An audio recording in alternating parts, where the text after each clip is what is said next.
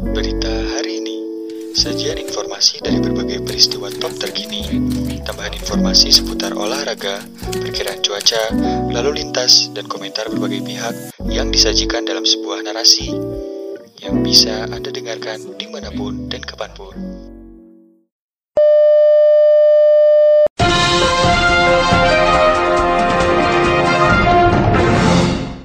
Dikutip dari detiknews.com, beberapa hasil autopsi soal kematian George Floyd telah dirilis. Sejumlah fakta di balik kematian Floyd pun terungkap. Hasil autopsi pertama ialah autopsi independen Floyd yang dirilis oleh pihak keluarga. Hasil autopsi itu menunjukkan polisi-polisi lainnya yang ada di lokasi kejadian di Minneapolis, Amerika Serikat, pekan lalu juga secara langsung bertanggung jawab atas kematian pria kulit hitam itu. Sejauh ini, hanya satu polisi yang bernama Derek Chauvin yang telah ditangkap dan didakwa atas pembunuhan Floyd. Chauvin terekam kamera sebagai polisi yang menaruh lututnya ke leher Floyd selama beberapa menit, yang saat itu ditangkap dan diborgol dalam keadaan telungkup atas tuduhan menggunakan uang palsu di toko setempat.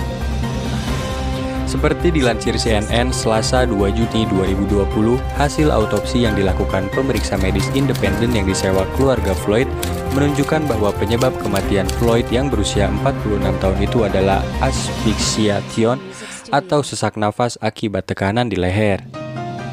Ditambahkan oleh pemeriksa medis dalam hasil autopsi itu bahwa tekanan pada punggung dari polisi lainnya yang juga menaruh lututnya ke punggung Floyd juga mengganggu pernapasan Floyd. Rekaman video dari lokasi kejadian menunjukkan Chauvin menumpangkan lututnya ke leher Floyd dan beberapa polisi lainnya menaruh lutut mereka ke punggung Floyd pada 25 Mei lalu. Laporan kriminal terhadap Chauvin tersebut bahwa Chauvin menekan leher Floyd dengan lututnya selama total 8 menit 46 detik dan selama 2 menit 53 detik setelah Floyd tidak bergerak. Chauvin dijerat dakwaan pembunuhan atau murder tingkat ketiga dan pembunuhan tak disengaja atau manslaughter tingkat kedua. Dalam pernyataan terpisah, pengacara keluarga Floyd Ben Crum menyebut pada dasarnya Floyd tewas seketika di lokasi kejadian. Disebutkan, Crum bahwa laporan autopsi independen menyatakan Floyd meninggal dunia dalam waktu 4 menit setelah dia diamankan di trotoar dalam keadaan telungkup. Crum mengharapkan agar dakwaan terhadap Chauvin dinaikkan menjadi pembunuh tingkat pertama. Dia juga menyatakan bahwa tiga polisi lainnya yang ikut terlibat dalam kematian Floyd harus ikut dijerat dakwaan. Diketahui bahwa Chauvin dan ketiga polisi lainnya telah dipecat dari satuan mereka. Namun hanya Chauvin yang ditangkap dan didakwa. Pengacara keluarga Floyd lainnya Antonio Romanucci menuturkan kepada CNN bahwa ketiga polisi lainnya perlu dijerat dakwaan kriminal. Mereka tahu bahwa apa yang mereka lakukan bisa menyebabkan kematian, cetusnya. Dijelaskan Romanucci bahwa pembunuhan adalah kematian seseorang yang disebabkan secara langsung oleh orang lain, ini termasuk pembunuhan disengaja maupun tidak disengaja.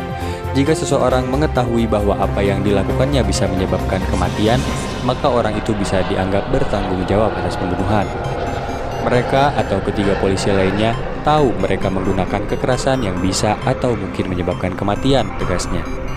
Disebutkan lebih lanjut oleh Kram, autopsi independen menemukan fakta bahwa tekanan pada leher memutus aliran darah ke otak Floyd dan tekanan dari lutut polisi lainnya di punggung Floyd membuatnya tidak mungkin untuk bisa bernafas. Semoga Jaksa Agung atau Minnesota Kate Ellison sekarang akan mempertimbangkan saat dia memeriksa polisi-polisi yang lainnya, ambulan dan mobil jenazah untuk George Floyd karena dia meninggal seketika di lokasi kejadian, sebut Kram kepada CNN. Semoga kasus ini tidak terulang.